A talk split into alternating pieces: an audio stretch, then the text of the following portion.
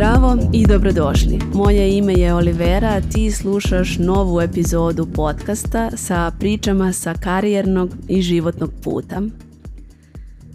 U današnjoj epizodi pričamo o nekim tipičnim načinima razmišljanja koji nas u trenucima kada želimo da napravimo karijernu promjenu zadržavaju u tom statusu quo i sabotiraju tu promenu koju tako želimo a uprkos tome što je želimo, mi pribegavamo raznim mehanizmima odlaganja. I na današnju temu sam inspirisana pre svega svojim greškama koje sam i sama pravila kada sam imala želju da promenim posao ili karijeru, ali sam u toj želji samu sebe blokirala tim svojim mislima koje mi nisu služile – Mozak je prosto po svojoj prirodnoj dužnosti pravio neke strategije koje su me ubacivale u mod prokrastinacije, tako da ako se ti trenutno nalaziš na karijernom raskršću, možda ti ova epizoda pomogne da osvestiš neke svoje misli koje ti ne služe i prosto da raščivijaš tu taj vrtlog nekorisnih misli u glavi i možda pronađeš način da napraviš prvi naredni korak koji će biti strateški, koji će ići u korist promjeni koju želiš da napraviš. Pa da krenemo od prve stvari, a to je da karijerna promjena znači na neki način da stojimo na jednom novom početku. Prosto jedna faza, jedna etapa se završava, druga počinje i to znači da smo u poziciji u kojoj smo ranjivi jer mislimo da krećemo od nule, naročito ako nam, se, um, ako nam je dotadašnja karijera bila uspešna, mi imamo taj iracionalni imperativ prema sebi, ja moram da uspem u narednom izboru, ja moram da se pronađem i ne smem da napravim grešku. I onda takav jedan zahtev prema sebi koji je previše rigidan stvara nam otpor prema promeni umjesto da nas inspiriše na promenu. Dakle, takav jedan apsolutistički stav produbljuje našu rezistentnost i onda se jednostavno ne pokrećemo jer očekujemo od sebe da prvo u glavi skontamo sa sobom šta je to što mi želimo i to je do neke mere moguće prosto okrenuti se ka sebi i pozabaviti se unutrašnjim svetom i apsolutno treba to da uradimo negde podsjetiti se šta te to raduje, šta te ispunjava, e, koje veštine posjeduješ, koje veštine želiš u narednoj roli i dalje da demonstriraš, kojih se se veština možda zasitio i prosto nećeš više time da se baviš,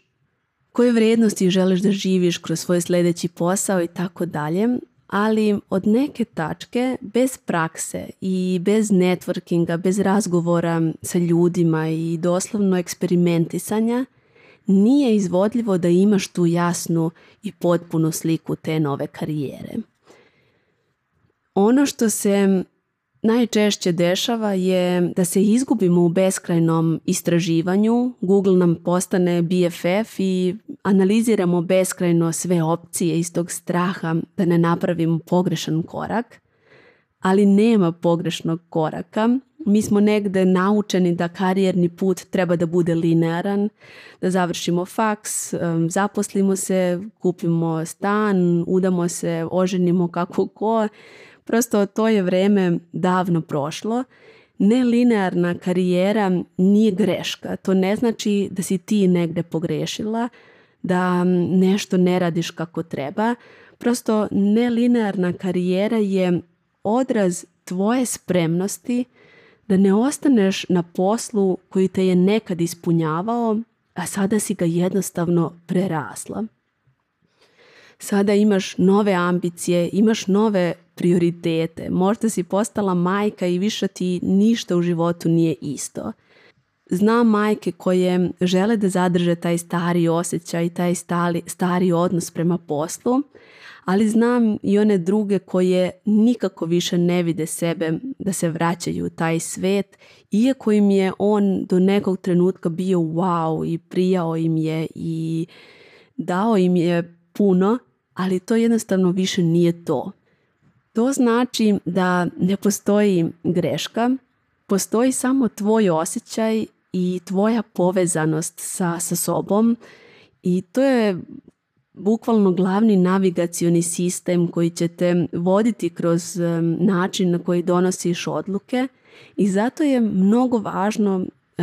da eksperimentišeš iako nekad deluje da se za eksperimentisanje nema vremena, da je to možda na neki način neozbiljno, ali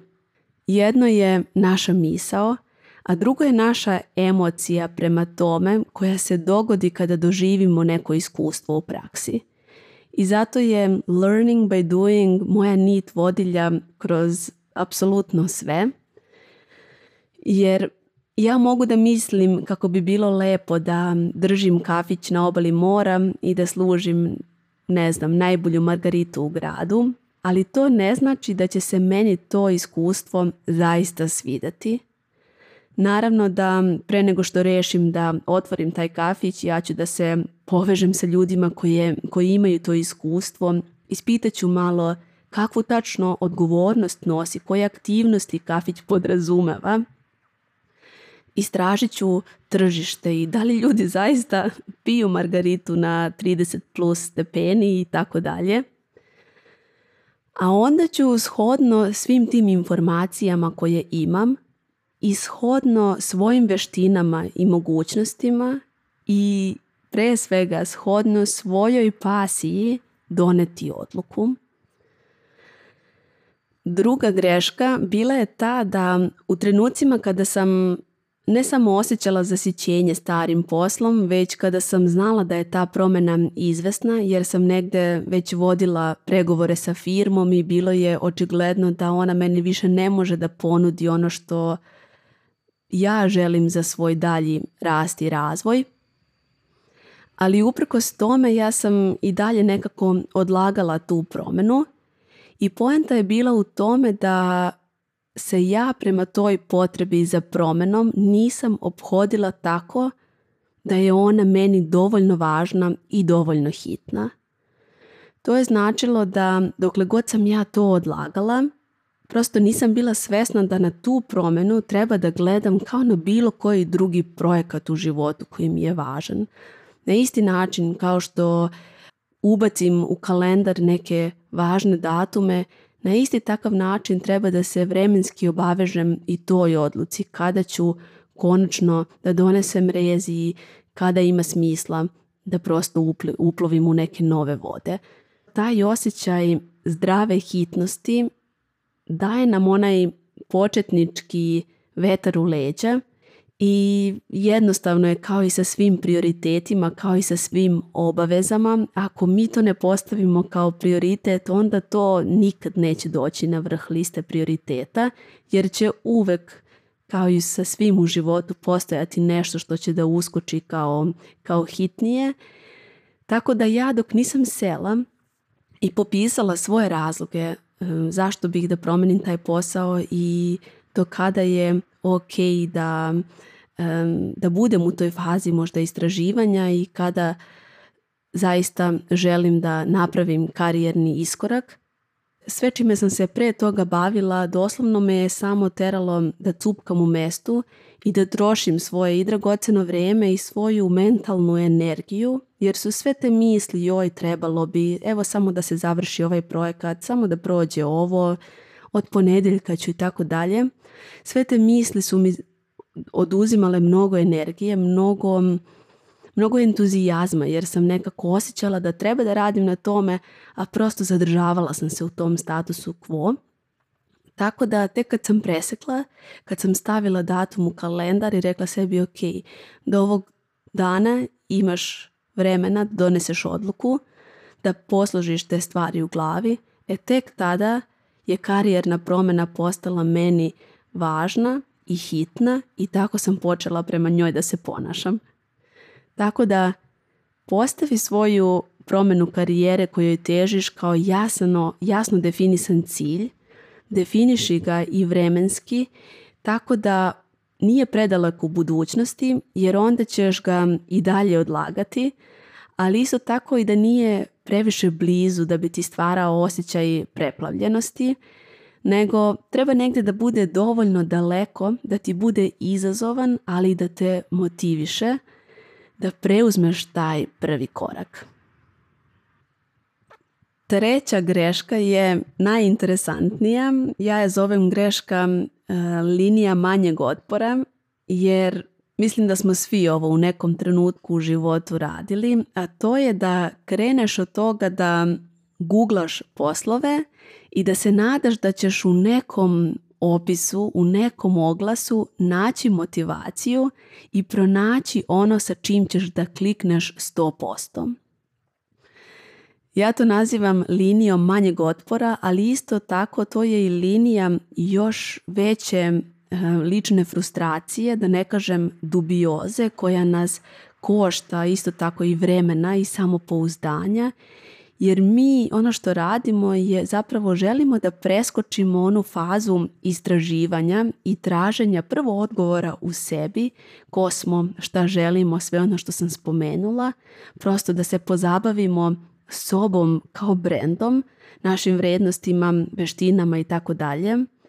a umjesto toga mi se potajno nadamo da ćemo da pronađemo baš takvu ponudu za posao koja će da bude oličenjem našeg idućeg idealnog karijernog iskoraka i osobe koja želimo da postanemo kroz taj iskorak. I evo što sam ja izvukla iz toga. Moja idealna karijera se ne nalazi ni u jednom oglasu, i to nema veze sa ponudama koje postoje na tržištu i to ne znači da na tržištu ne postoje fenomenalne ponude.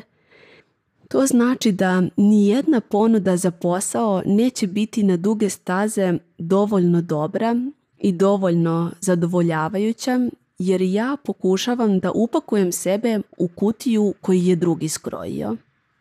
Oglasna tabla nije meni u restoranu, pa kada sednem ja onda tražim jelo koje će da me pozove sa liste. To je način na koji ja biram šta ću da jedem, šta ću da naručim. dok ja nisam sela i pozabavila se prvo svojim unutrašnjim svetom,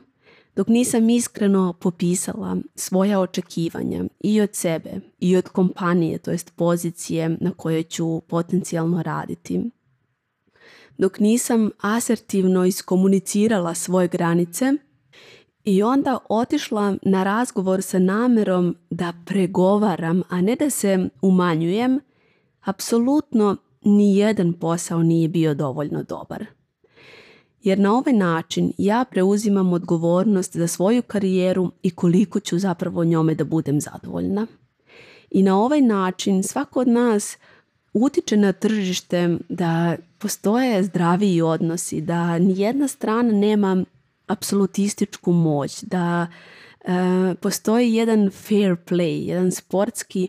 duh, sportski odnos u kome svako nešto donosi i obe strane nose odgovornost da iskomuniciraju i da se zauzmu za sebe. Tako da za kraj da sumiram, prije nego što otvoriš naredni oglas, Pronađi neke odgovore u sebi, popiši svoje uslove, svoja očekivanja i spremi se da pregovaraš za sebe i za svoju poziciju jer kada ti radiš ono što voliš, ono što umeš i kada radeći sve to živiš svoje vrednosti, ti ćeš i svom poslodavcu biti idealan radnik i to je win-win pozicija ali pre svega postavi tu promenu kao prioritet i dozvoli sebi da eksperimentišeš. Do naredne epizode Budi mi dobro.